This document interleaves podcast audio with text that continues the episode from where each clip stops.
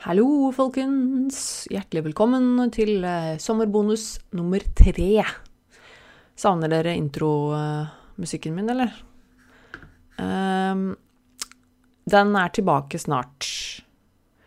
Så snart uh, de gutta på moderne media er ferdig med ferien sin. Um, åh, det vondt i magen, altså. Jeg lurer på om det kanskje Det er kanskje ikke kjempelurt å drikke vin på tom mage er vel kanskje ikke det lureste, men uh, jeg følte at jeg fortjente et uh, glass med vin i dag, uh, rett og slett. nå har vi hatt både svigers og bonusdatter og alt på besøk her lenge. Og nå er det bare oss igjen. Altså så hadde jeg veldig lyst til å ta et glass vin nå som det er blitt kveld her eh, hos meg. Det er eh, onsdag den 22. juli. Um, og jeg Hvorfor er den her så innmari dum nå? Åh. Nei, bare programmet irriterer meg litt her, altså. Um, jeg eh, var Oi, nå skal jeg bare notere noe veldig fort mens jeg husker det, fordi ellers så kommer jeg garantert til å glemme det innen Innen uh, veldig kort tid, for det er jo min hukommelse vi snakker om. Um, sånn. Jeg skal uh, nå først, uh, før, jeg, før, jeg, glemmer det også nå skal, jeg, nå, skal jeg, ta lista mi. Sånn at vi går nedover på lista og gjør det riktig her. Eh, gjør det så ryddig som mulig. Ehm, jeg vil informere om eh, en liten ting her i starten, fordi eh, det er litt, litt gøy, nemlig. Fordi hvis du er i Trondheim den 13. august så kan det hende at du har lyst til å ta deg en liten tur ut og se på et lite liveshow med Dialogisk. Eh, det vil altså si Gunnar Tjomli og Dag Sørås eh, og eh, meg, da. Jeg skal vel strengt tatt ikke sitte på noen scene og snakke høyt, men jeg er jo til stede. Og for vi skal ha da liveshow. Så jeg skal være med på det, rett og slett. Det er veldig kult. Det er alltid gøy når vi har liveshow, og jeg får være med og være litt assistent og hjelpe til med ting og notere og sånn, sånn som jeg pleier å gjøre. Men det er bare det er liksom noe ekstra når det er, eh, når det er live og et lite show, og det er eh, Ja, det er litt eh, kult. Det er litt stas. Få være med på det. Så jeg kommer til å luske rundt i kulissene der. Og vil jo selvfølgelig gjerne anbefale folk å komme og se på det. Dialogisk er jo favorittpodkasten min. Og den tror jeg rett og slett ikke Åh. Jeg blir distrahert. Mobilen min. Uh, og jeg håper jo at folk kommer og ser på. Det er kjempekult om Jeg tror det skulle være en sånn form for, form for festival Eller Jeg har ikke helt fått med meg hva som er opplegget der, jeg. Men det er liksom i sentrum av Trondheim så skulle de ha noen sånne greier. Jeg tror det var utendørs, det opplegget her. Og da er det i hvert fall Det er noen flere greier som skjer, men da skal i hvert fall Dialogisk ha et liveshow uh, på kvelden. Jeg lurer på om det var klokka seks på kvelden. Um, jeg tror det var klokka seks. Uh, og som sagt, jeg kommer også til å luske rundt i, i kulissene der. Uh, og så hvis noen vil komme og si hei, så er det veldig koselig. Hvis noen vil komme og se dialogisk, uh, og så er det, vet jeg at gutta og jeg setter veldig pris på det. Så jeg kan jo håpe jeg ser noen av dere der. Det var altså i Trondheim den 13. august. Uh, jeg skal igjen også bare være så frekk og reklamere for min egen Patrion. Jeg har jo skaffet meg en Patrion, folkens. Jeg fortsetter å negge om det, Jeg, sånn i håp om at jeg til slutt så kanskje jeg får uh, snudd uh, deg til å ta en uh, liten nesekikk innom der, holdt jeg på å si. Fordi at Ja, det hadde vært kult. Det hadde vært kult med flere patrions Eh, jeg setter veldig pris på de jeg har allerede nå. Det er veldig veldig hyggelig at folk har lyst til å støtte meg der. Det setter jeg stor pris på. Jeg har jo vært øh, Hjernen min har rett og slett tatt ferie. Jeg vet ikke helt hva som skjer. Det er fortsatt litt sånn hjerne på ferie, altså. Jeg øh, har vært svært lite produktiv og svært øh, mye trøtt og veldig Det fins liksom ikke noe inspirasjon, motivasjon. Det er lite av det fortsatt. Så jeg må nok dessverre si at det, det er ikke så mye nytt på Patron. Men hvis du ikke har vært patron før nå, så ligger det jo en del der fra før som du ikke har sett. Så da kan du jo ta igjen det som ligger der. Eventuelt. Um, eller så um, Hvis du ikke bryr deg om det som ligger der, så kanskje du bare vil støtte meg for å Støtte meg. I don't. Uh, uansett, uh, det var det jeg skulle si om Patron. Uh, Patreon.com slash Tone Sabro. Jeg har vært på Tusenfryd. Eh, til dere, dere observante følgere der ute. Har sikkert fått med dere det. Jeg la ut en liten sånn story-post på Instagram, tror jeg det var, her eh, på lørdag. Fra Tusenfryd. Jeg var der sammen med samboeren min og hans datter. Og hadde i utgangspunktet ikke tenkt til å ha med oss Kyla, vår hund, fordi det er jo ikke lov å ha hund på Tusenfryd, fant vi ut. Det var jo jævla kjipt, fordi vi hadde ikke Av en eller annen grunn så hadde jeg trodd at det var ok. Uh, Tusenfryd er jo utendørs og et svært område og, og veldig Altså, jeg, jeg, jeg, kan vel ikke helt forstå at det, skal være forbudt å ha med seg hunden sin inn der, så lenge man holder kontroll på den, liksom. Men det er altså ikke lov. Så uh, da fikk vi plutselig litt panikk, for vi bare Oi, shit, hva gjør vi med Kyla? Um, og så øh, var, så var øh, Vi har en venninne som har øh, hundeerfaring, som, kan sitte, som har sittet hundevakt før, og som vi stoler på. Men hun var opptatt, og så var det litt sånn Og så er jeg ikke så komfortabel med å la hvem som helst passe på hunden min. Jeg vil gjerne at den personen som passer på hunden min, skal være vant til hund. Um, og helst ha vært vant til valp, og en som vi er litt komfortabel med, liksom. At er hjemme hos oss når vi ikke er her, og litt sånn Ja, jeg vet ikke. Det er litt sånn mm, Det blir jo liksom babyen min. Jeg er ikke så komfortabel med å la hvem som helst passe på henne. Um, så vi fant ut at på Tusenfryd så har de faktisk eh, så har de sånn hundeparkering som er bare en sånn liten hundegård med, med noen bur uh, utendørs med tak. Uh, så man kan uh, ha hunden sin der gratis mens man er på Dusenfryd, på eget initiativ og ansvar, holdt jeg på å si. Man må ha med lås og sånn sjøl. og eventuelt mat og vann og sånne ting. så vi hadde med vi hadde med oss Kyla og satte henne inn der. Det var ingen andre hunder der den dagen. Det er jeg for så vidt egentlig glad for, for jeg tror kanskje hun Jeg lurer på om kanskje hun hadde blitt litt stressa hvis det var mye andre hunder der. Um, men um, Så vi hadde med liksom det lille buret hennes, som jeg satte henne inn i buret i buret. Uh, men hun fikk gå fritt i buret, men hadde også sitt eget bur i buret. Uh, Og så hadde hun litt vann der, og så hadde hun litt eh, sånn tyggegodteri der. Um, og, det, og, så låste vi henne inn der, og så gikk vi fra henne. Det er oh, det, var litt, det var litt vondt, kjente jeg, i, i mammahjertet. Jeg likte ikke helt å Jeg liker ikke å gå fra henne på et sted hvor hun ikke er kjent. En ting er å liksom Um, gå fra henne her hjemme i en time eller to, liksom. Det vet jeg at det, det klarer hun. Her hjemme er hun jo komfortabel uansett. Men på et nytt sted og Ja, det er um, Det var litt uh, ja. Men så, så, gikk vi fra henne, og så gikk vi inn på Tusenfryd, og så var vi der noen timer, og um, eh, både jeg og eh, samboeren min og datteren hans tok noen eh, Hva heter det?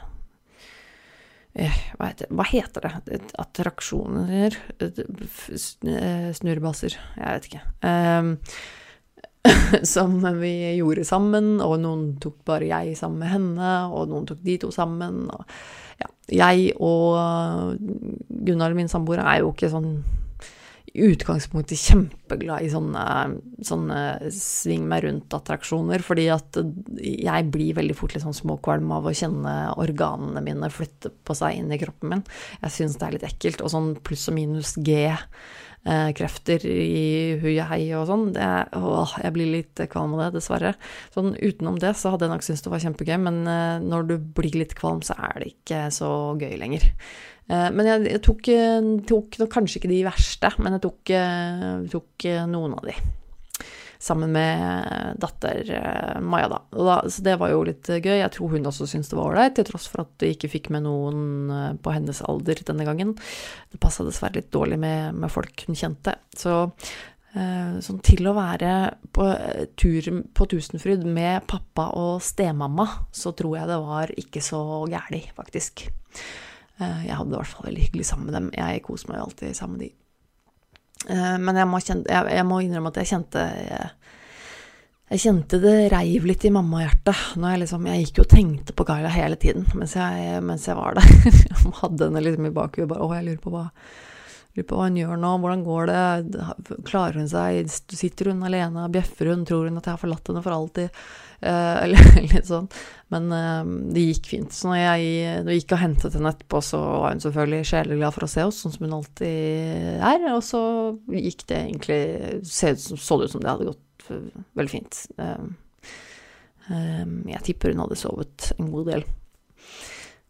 Så det, men det var egentlig ganske ganske ålreit å dra på Tusenfryd. Jeg har ikke vært på Tusenfryd eh, på mange år, sikkert eh, ti år, vil jeg tro. Hvor gammel var jeg for ti år siden? Nei, det er kanskje mer enn ti år siden nå, faktisk, når jeg tenker meg om. Det tror jeg faktisk er mer enn ti år siden.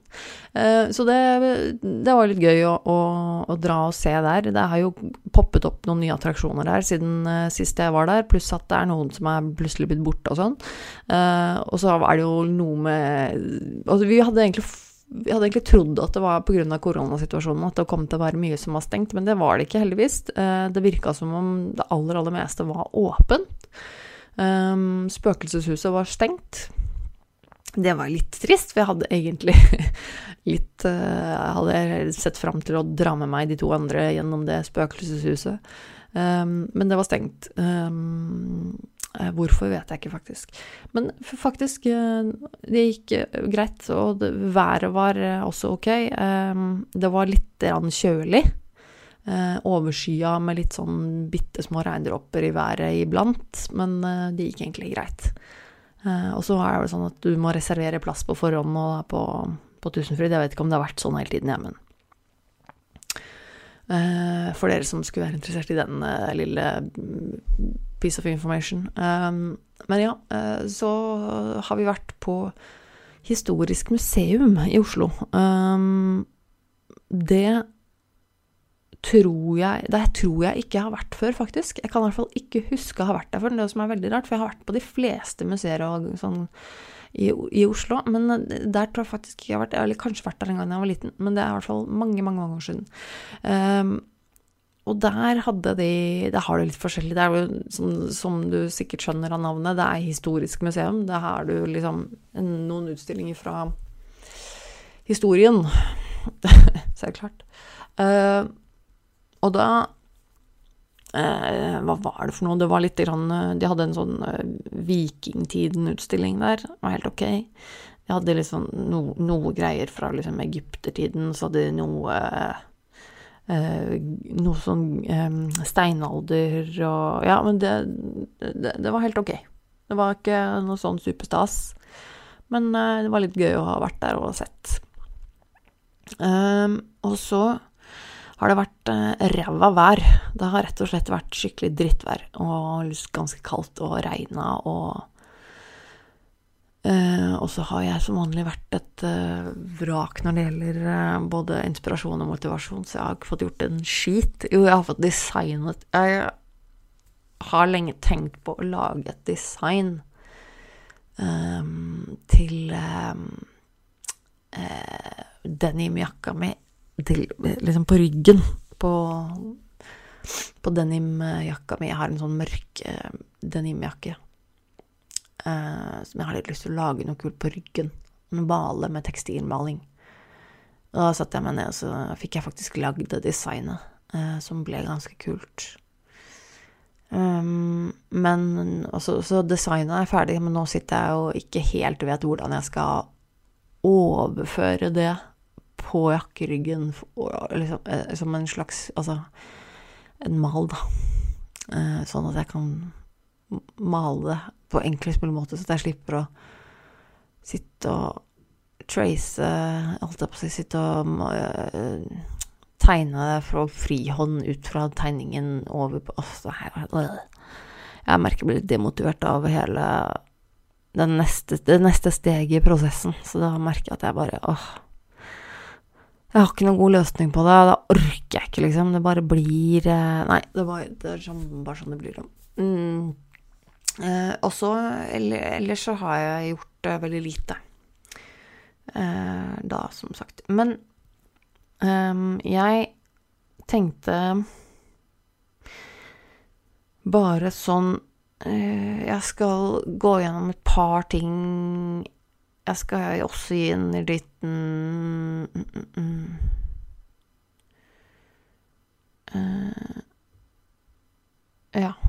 Jeg fikk uh, Jeg har fått et spørsmål på Instagram som jeg har tenkt å ta i plenum. Og så fikk jeg også en uh, For forrige uke, var det ikke forrige uke, spurte jeg om eh, spurte jeg om tips fra dere i forhold til spørsmål eller hva dere ville høre meg snakke om. Men da var det noen av dere som spurte om eh, Eller som, som ba om at jeg skulle snakke om spiseforstyrrelser. Uh, og det har jeg snakket om uh, mye i denne podkasten her. Jeg har vært veldig, veldig åpen og ærlig om det med dere i denne podkasten, men jeg innser jo at det faktisk er en god stund siden jeg har oppdatert dere på akkurat den fronten der. Jeg føler jo at at det kanskje er på tide. Jeg jeg hadde jo Jeg tror noe av det siste jeg snakket med dere om akkurat med det der, var at jeg har Altså fordi Bare for å gi sånn, et, et kjapt sammendrag til eventuelle nye lyttere, så har jeg eh, Men jeg må si det jo at hvis, hvis dette er liksom første episode du hører, så please gi de andre episodene en sjanse før du avskriver meg helt. Men eh, jeg har jo hatt spiseforstyrrelser til og fra opp og ned i mange år, men ikke fått noe diagnostisert før liksom de siste, i løpet av de siste tre åra. Så jeg har, uh, og det har vært egentlig da det har vært verst også, det har liksom gradvis utviklet seg, og for noen år siden Altså, hva blir det da? To ja, det var to år siden nå, da, så uh, var jeg veldig, veldig, veldig mye tynnere enn det er nå. Da, så jeg fikk Og jeg sulta meg veldig mye. Jeg fikk diagnosen anoreksi. og så Gradvis så utvikla det seg til å bli en litt mer kompleks spiseforstyrrelse. Så jeg, jeg, så faktisk i Ja, fordi at jeg begynte også å um, i tillegg til å sulte meg, så kasta jeg også opp mat. Og eh, hadde perioder hvor jeg spiste mye mat for å kaste det opp, som en mestringsstrategi. Um, så, og det er noe med at uh, en spiseforstyrrelse er ikke nødvendigvis bare enten anoreksi eller enten bulimi eller enten overspisingsforstyrrelse uh, eller Unnskyld, jeg husker ikke hva det heter. Uh, men, men, det kan være en sammensetning av veldig av, av forskjellige av, av, forskjellige holdt jeg å si, metoder. Og i tillegg så kan det også forandre seg litt over tid, sånn som det har gjort med meg, da. Um, men uh, det var jo litt sånn etter at jeg uh, Jeg hadde jo den sultinga. Um, det var jo på en måte min Min hemmelighet i gåseøyne eh, ganske lenge. Helt til det absolutt ikke var en hemmelighet lenger. Fordi at du kommer til et punkt hvor du på en måte ikke kommer unna med det mer, fordi at folk ser deg. altså, du blir fysisk tynnere og tynnere, og da, er, da, går det til et punkt hvor folk etter hvert skjønner at her er det noe kanskje som er et problem. Så en hemmelighet er det jo for så vidt um, ikke for evig. Uh, men um, det er noe med liksom det at jeg hadde jo ikke Det var jo min måte å takle min indre smerte på. Det var jo min måte å få utløp for um, uh, For det, alt det vonde jeg gikk og bar på. Så sulta jeg meg. Uh, og jeg Når det på en måte ble åpenbart, og folk begynte å ta tak i det, og holdt jeg på å si mase om det, at jeg måtte ha hjelp mot det, og det var ikke greit, liksom, at det ikke var en hemmelighet mer, da, på en måte, så begynte det å utvikle seg til at jeg eh, spiste og kastet opp. Um, fordi at uh, det er jo Jeg ønsket jo å bli frisk, på en måte. Du, du har jo et ønske om å bli frisk et sted inni deg, som regel. Um, men det er ikke bare bare. Det ikke bare Det står ikke bare på, på et ønske. Um, det er en helvetes jobb også. Sånn at uh, jeg begynte jo å spise sakte, men sikkert litt mer og mer. Og begynte etter hvert å spise hver dag og sånn, for det gjorde jeg jo ikke før. Um, og nå spiser jeg jo hver dag. Uh, flere ganger hver dag. Det er liksom Ja, tenk på det. Det er egentlig ganske Ja, det er faktisk uh, Det er faktisk det har, jeg har egentlig ikke tenkt så veldig konkret på det før akkurat nå. At det er jo en vane for meg nå å spise flere ganger hver dag. Og det er jo Da vet jeg at det er noen i noen i psykiatrien der ute som hadde blitt stolt av meg hvis de hadde visst det. Um, sånn at uh, Ting forandrer seg. Absolutt. Jesus. Det er ganske rart å tenke på. Jeg spiste ikke hver dag engang. Jeg spiste jo ikke på mange dager. Ofte.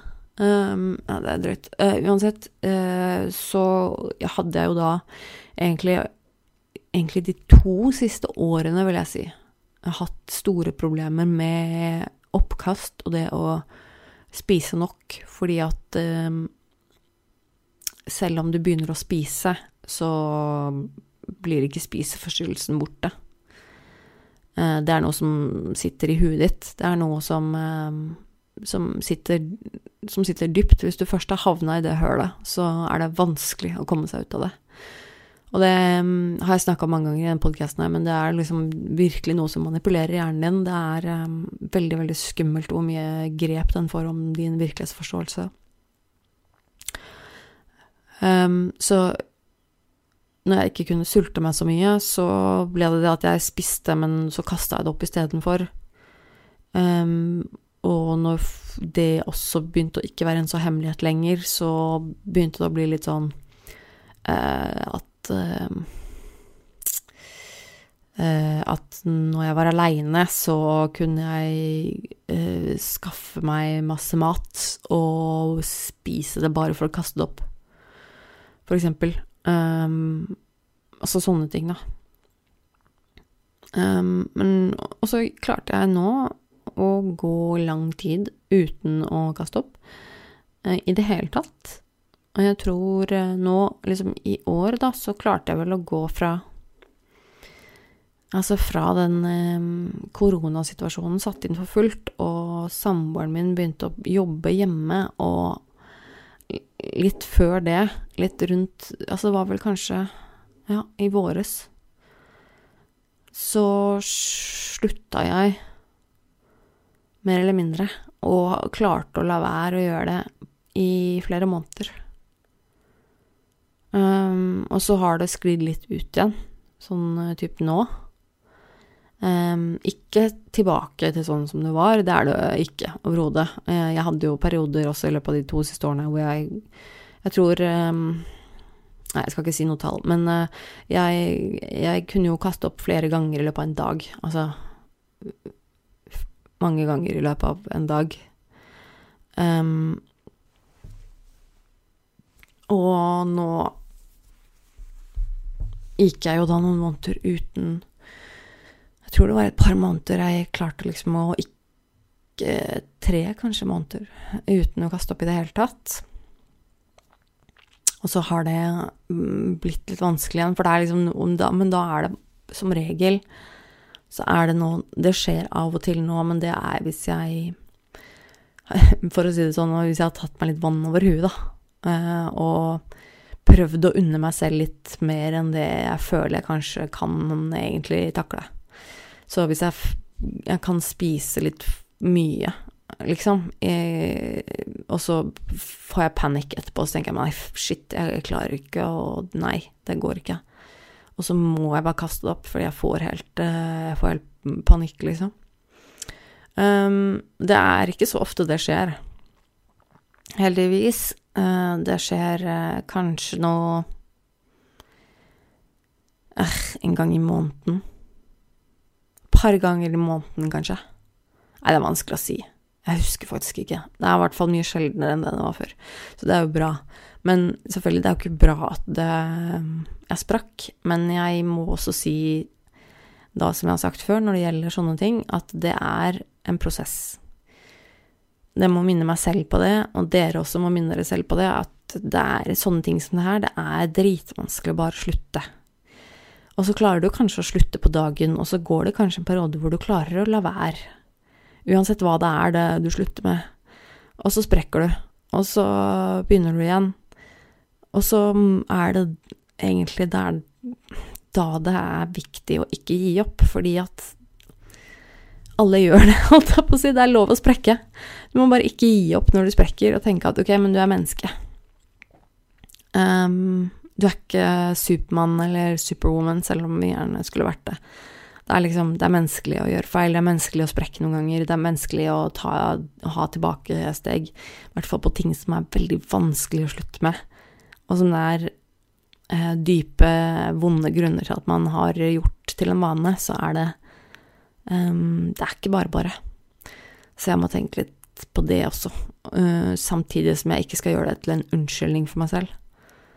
Uh, for det er jo det som er også litt skummelt med spiseforstyrrelser, er at de kan jo lure deg til å tenke at du egentlig har lyst til å fortsette med det. Um, så jeg skal uh, tenke at ok, det er tilbakefall, men jeg har klart å slutte før, og da klarer jeg det igjen. Og så må jeg bare passe på å ikke havne, havne i den gropa hvor jeg ikke har lyst til å slutte. Så det er egentlig der det Så det er, den, det er en oppdatering på hvordan det er nå, uh, rett og slett. Jeg uh, det, men det går greit. Det går Altså, det er litt sånn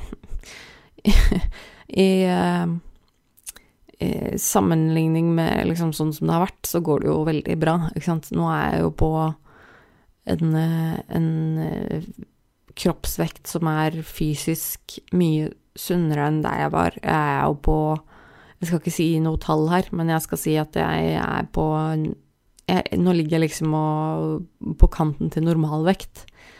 Og det og det er jo noe helt annet enn det jeg var. Så jeg prøver å si til meg selv at det er en god ting. Um, så ja. Ja. Sånn er jeg. Sånn er det, bare. Akkurat nå. Um, jeg tenkte også å um, Har jeg liksom Jeg ser nå at jeg har, jeg har to ting Uh, oi, jeg har, to, jeg er to ting som står på planen min. Den ene Oi, nå ble jeg litt usikker på om jeg har lov til å ta begge deler på én episode. Det føltes plutselig ekstremt uh, Litt uh, sensitivt å snakke om 22. juli og, og i samme episode også ta opp et spørsmål jeg fikk om sexarbeid. Det Har jeg lov til det? Er det greit, liksom? Det uh, Ok, men jeg, Ok, kanskje jeg skal ta den i morgen. I morgen? I morgen?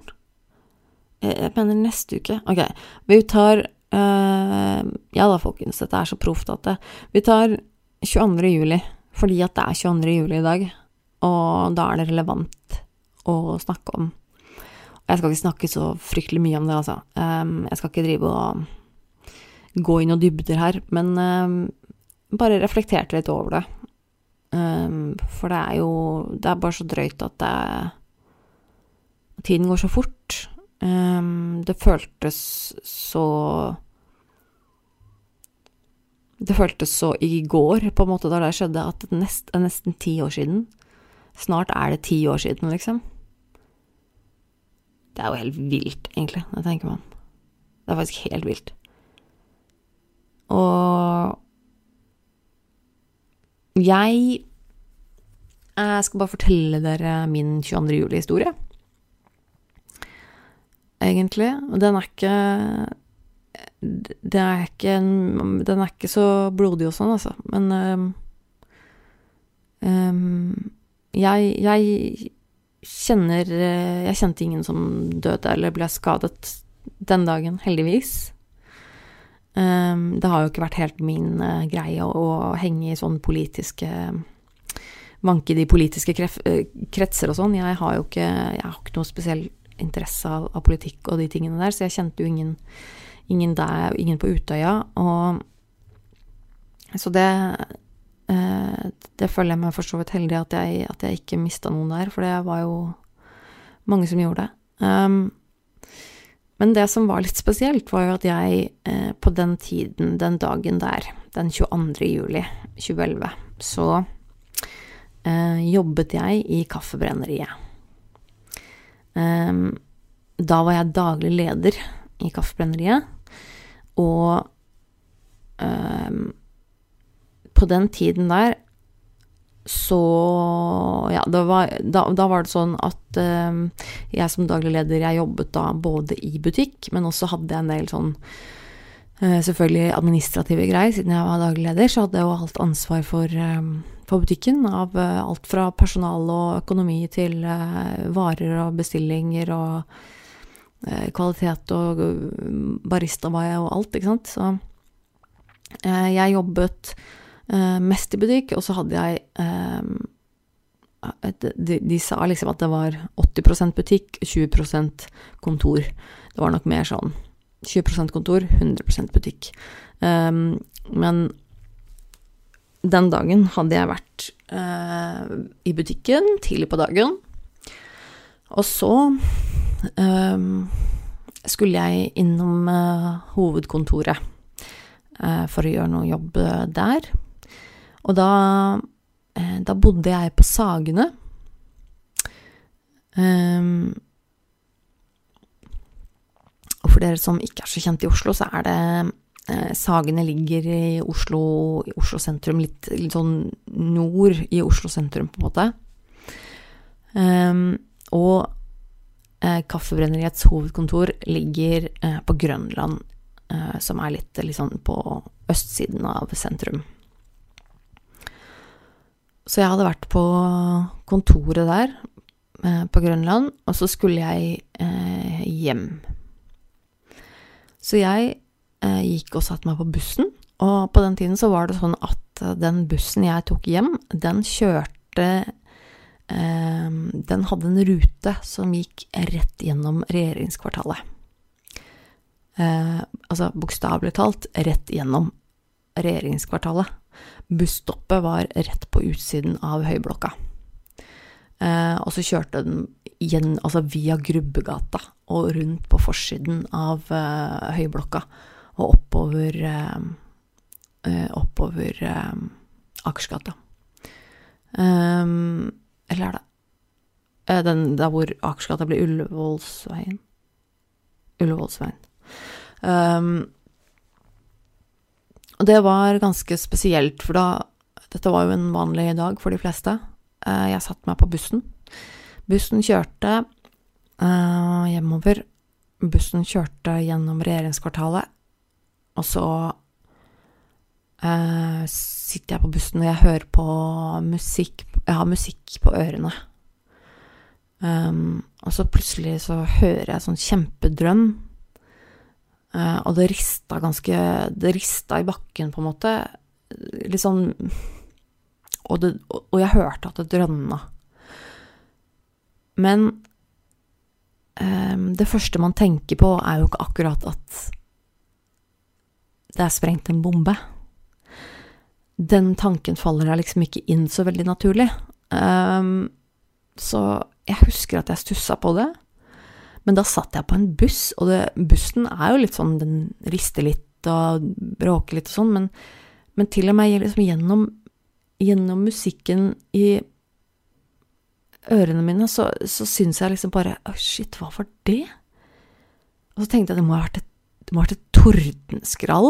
Altså, det var helt Men for at det var helt eh, det, det, det var noe helt annet. Det det satte meg ganske ut. Jeg kjente jo at det, at det var noe Det var noe kraftig.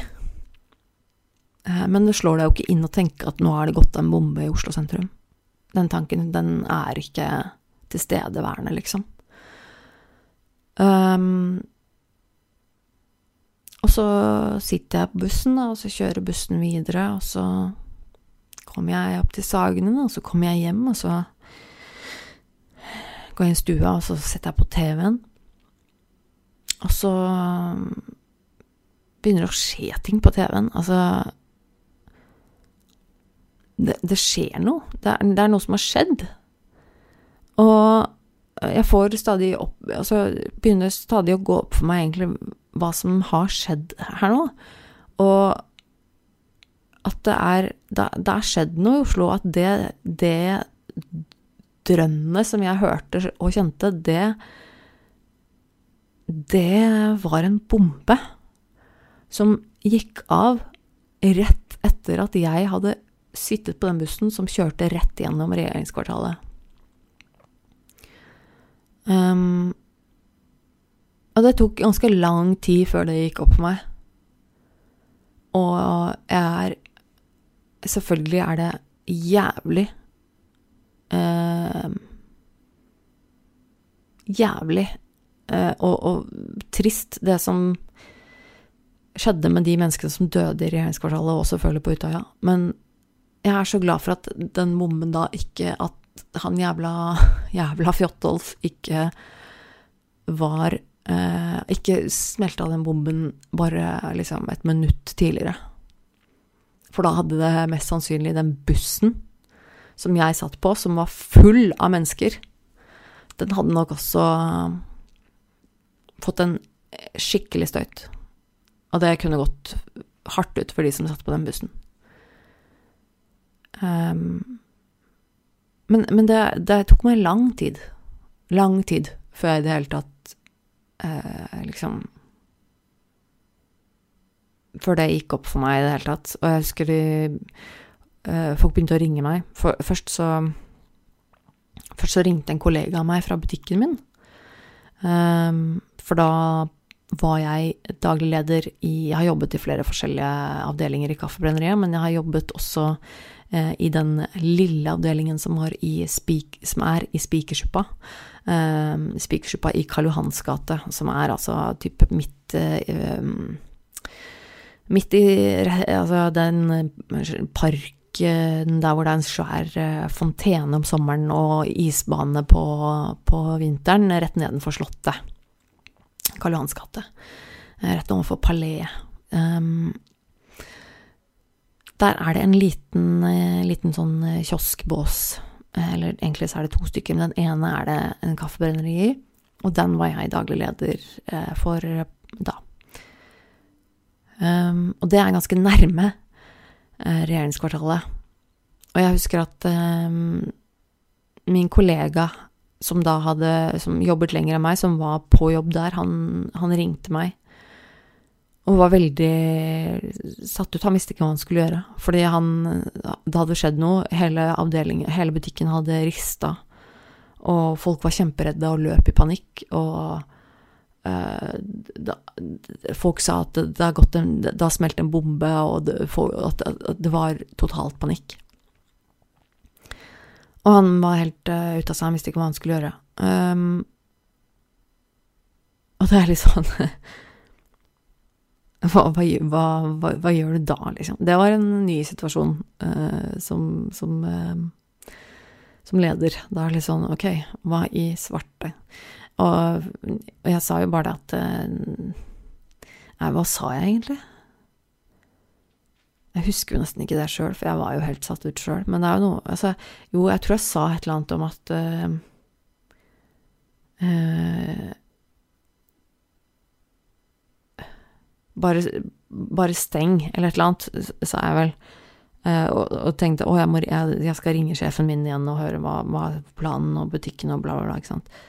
Um, men jeg, jeg, sa vel, for han var litt sånn hva skal jeg gjøre, skal jeg stenge, skal jeg gå, skal jeg bli her, hva skal jeg gjøre? Jeg sa bare, men bare, bare lukk døra, bare, bare, bare, steng, liksom. Det går helt fint. Um, bare dra hjem hvis du må. Jeg, det, det, ordner seg. Jeg skal jeg ordner det, liksom. Um, og så husker jeg de ringte meg fra Husker jeg de ringte meg fra min nye jobb, fordi jeg, på den tiden så var jeg i oppsigelsestid på Kaffemenyet. Um, hadde fått en ny jobb uh, i et IT-firma. Uh, og så jobb uh, også, Men jeg hadde ikke begynt der ennå. Men jeg hadde Ja, som sagt, jeg var i oppsigelsestiden min på Kaffebrenneriet. Jeg hadde fått jobben der, men ikke begynt. Så, men de ringte meg. Husker jeg de ringte meg, og så sa de sånn Nå nå er, ja, det er fra altså det er sånn og han han fra sånn og sånn. Nå ringer vi rundt til alle for å sjekke om alle er i live, eller alle har det bra. Um, og da begynte det å gå opp for meg at liksom, herregud, hæ? Kødder du, liksom? Så hadde de da faktisk gjort det, tatt en ringerunde til alle de ansatte, bare for å sjekke liksom at alle var ok, da. Um, og jeg husker Jeg tror ikke jeg husker um, Jeg husker ikke så veldig mye av, av på en måte hendelsene derfra. Jeg husker ikke Um, og, altså, jeg, og jeg, jeg, kom fra det her med uten en skramme, altså. Det er ikke noe synd på meg, liksom. Um,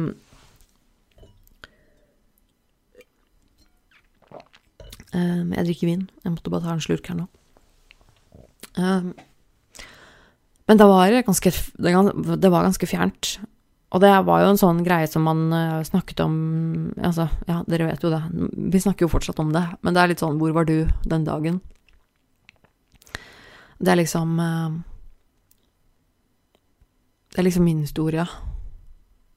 Men jeg, jeg husker jeg, å, jeg har hatt så mange samtaler om det etterpå, husker jeg. Jeg husker, jeg husker at jeg satt oppe omtrent hele Jeg husker jeg satt oppe hele natta for å følge med på liksom, utviklingen og se på nyhetssendingen om igjen og om igjen og bare Og så husker jeg liksom Noen dager etterpå så var jeg um, Var jeg på stranda sammen med en kompis av meg, uh, og vi hadde avisa. vi hadde i hvert fall Nei, vi hadde flere aviser som vi hadde kjøpt med oss, satt bare selvfølgelig og snakket om det på stranda. Jeg husker det var sånn, sånn absurd sommerminne at uh, man sitter i sola i badetøy og koser seg på en strand i Oslo på en fantastisk vakker sommerdag og snakker om bare om noe helt forferdelig grusomt som har skjedd akkurat her i denne byen nå nettopp, liksom. Um, veldig sånn absurd, eh, merkelig, egentlig. Um, og så husker jeg eh, Ja, mange, selvfølgelig mange samtaler og veldig mange sånn 'Hvor var du den dagen?' Eh, lenge i etterkant. Men jeg husker også at vi snakket om Jeg var jo sammen med eksmannen min på den tiden. Snakket med eh, venner av oss og litt sånne ting. Og så jo mer av historien her som rullet opp på overvåkningskamera og sånne ting, og så husker jeg hadde en samtale med en eh, en vi kjenner som Hvor vi snakket om det overvåkningskamera eh, rett ved Rett ved regjeringskvartalet, som hadde fanget opp eh, Fjotolf da han løp eh, Jeg sier Fjotolf, det, fordi at han, men det er nesten litt sånn Jeg føler ikke at jeg kan si det engang, selv om han faktisk eh, heter det, idioten som han er. Eh, men det, det, føles bare så passende at han heter det, for han er jo en fjott. Men um, Men han løp Han hadde jo iført seg eh, um, Altså eh, verneutstyr. Politiet Han hadde skaffet seg en uniform. Eh, så han hadde jo på seg en svart kjeledress uh, med hjelm og automatvåpen, og så på en måte i utgangspunktet litt sånn politi ut, da. Han hadde jo til og med skaffa seg et forfalsket en politi-ID, som var, er den styggeste og dårligste forfalskningen jeg noen gang har sett, men det er jo så. Um, og så husker jeg veldig godt det der, det der glimtet som ble vist av det overvåkningskameraet, hvor, hvor man ser at han løper fra stedet for å Altså løpe fra regjeringskvartalet og til den bilen som han har parkert et lite stykke unna for å kjøre ut Utøya. Um, og det, det, klippet der, uh, akkurat da han løper oppover på fortauet der, uh, iført den uniformen husker jeg vi diskuterte litt, fordi da var det han ene kompisen vår som snakket om at um, um, at han For at det var, noen, altså det var liksom snakk om det, hvem som så det, og var det ingen som så det, og hvem hadde reagert på det, hvorfor var det ingen som stoppet han? Uh, ja, ikke sant, fordi at det, det løper en, en, mann. Han så jo ganske skummel ut, altså han så ut som en helpansret politimann, på en måte, med, med, våpen og greier, og hjelm og sånn, og hvorfor var det ingen som stoppet han, eller hvem, var det ingen som så han og sånn? Og så sa han eh, eh, så sa, husker jeg bare at jeg, han kompisen min sa at eh, han, han, tror ikke han hadde reagert på det hvis han hadde vært der og bare liksom sett denne politimannen da gåstøyne uh, liksom løpe oppover langs veien sånn, så er det ikke sikkert han hadde reagert på det. bare fordi at han er liksom vant til at liksom, ja, politiet gjør det de, de, gjør det de skal, de liksom. Uh, henger seg ikke så mye opp i det og um, Men så skulle jeg si at det hadde jeg reagert på. Og det tror jeg faktisk, fordi at uh, jeg er jo vokst opp med politi, som jeg har snakket om tidligere. Liksom, har familie som er politi, og har jobbet i politietaten selv og har liksom alltid hatt en sånn derre Jeg føler at jeg er liksom på har liksom hatt en fot innafor der. Jeg har liksom vært litt spesielt interessert. Kjenner litt til hvordan de jobber i politiet, og, og hvordan ting funker, på en måte. Litt sånn generelt, da. Og jeg husker bare at jeg tenkte at uh, shit, hvis jeg hadde sett han komme løpende, uh, da hadde jeg faen meg blitt redd, liksom. Faen, for han, det der Det Altså det der er ikke en normal politimann. Det er ikke en politimann, liksom. Det er ikke, det er ikke sånn. Det hadde bare skurra for meg. Nei, eh, og det er ikke noe poeng i den historien her. Jeg bare syns det var interessant. Um, men ja. Um, jeg tenkte at det er rett og slett bare fordi det er Det er 22. juli i dag. jeg håper alle dere der ute har det bra. Um, og jeg er veldig fortsatt um, enig og stolt av hvordan, hvordan fokuset vårt i Norge ble etterpå. Etter en sånn hendelse. At vi vil ha mer åpenhet, mer demokrati, mer medfølelse. Um, uansett hvor bra eller dårlig man mener de har gått, så tenker jeg at det er faen meg beundringsverdig måte å takle det på. Hvis du ser på f.eks. statene, USA, hvordan de hadde takla noe sånt nå, eller hvordan de takler situasjonen, og hvordan det Altså, verden går jo til fuckings helvete. Um, sier jeg, full av min dystopia. Men, uh, men det er jo sant. Og så tenker jeg at uh, Ja, ja, ok. Vi takla i hvert fall det der på en uh, respektfull og god måte, syns jeg. Sier jeg da, som ikke har mistet noen i den forbindelse, eller ble skadet, selvfølgelig, så jeg snakker ikke på vegne av alle dere, for det skal jeg ikke gjøre, men jeg føler liksom at det um. Nei, uansett. Det var liksom mine tanker. Det var liksom bare sånn, ja. 22. juli. Nei, uh, folkens. Har dere lyst til å dele noe med meg i forbindelse med det, uh, så må dere gjerne gjøre det. Um, har dere en 22. juli-historie, kanskje, som dere vil dele, um, så må dere gjerne gjøre det hvis dere har lyst. Enten på mailen min eller sosiale medier eller sånne ting. Setter jo alltid pris på å høre fra dere, uansett hva det er. Um, ris eller ros, eller bare hei og hopp eller uh, tips, hva det skal være. Um, og jeg tenker at det, den uh, episoden her, den er uh, lang nok. Det er sent nok. Klokken er kvart på elleve her jeg sitter. Og jeg skal spise middag. Og det spørsmålet angående sexarbeid og det greiene der, det kan jeg spare til neste uke. Så har jeg faktisk så kan vi glede oss til det, holdt jeg på å si. Um, for jeg tror jeg rett og slett avrunder der. Uh, det ble en litt sånn uh, kjip, alvorlig episode i dag, føler jeg. Men uh, noen ganger så Ja, noen ganger blir det jo sånn. Men som sagt, håper dere, håper dere har det bra der ute. Håper dere tar vare på dere selv og hverandre. Um, og så sjekk ut Sjekk ut YouTube-kanalen min hvis du ønsker det. Hvis du ønsker å ha noe underholdning. Der er det jo litt sånn uh, ymse rare greier jeg driver på med, da. Um, YouTube.com slash Tone Sabro. Nerve at gmail.com er e-mailadressen min. Eller så finner du meg i sosiale medier. Nerve. Eller Tone Sabro. Um, og så Ja.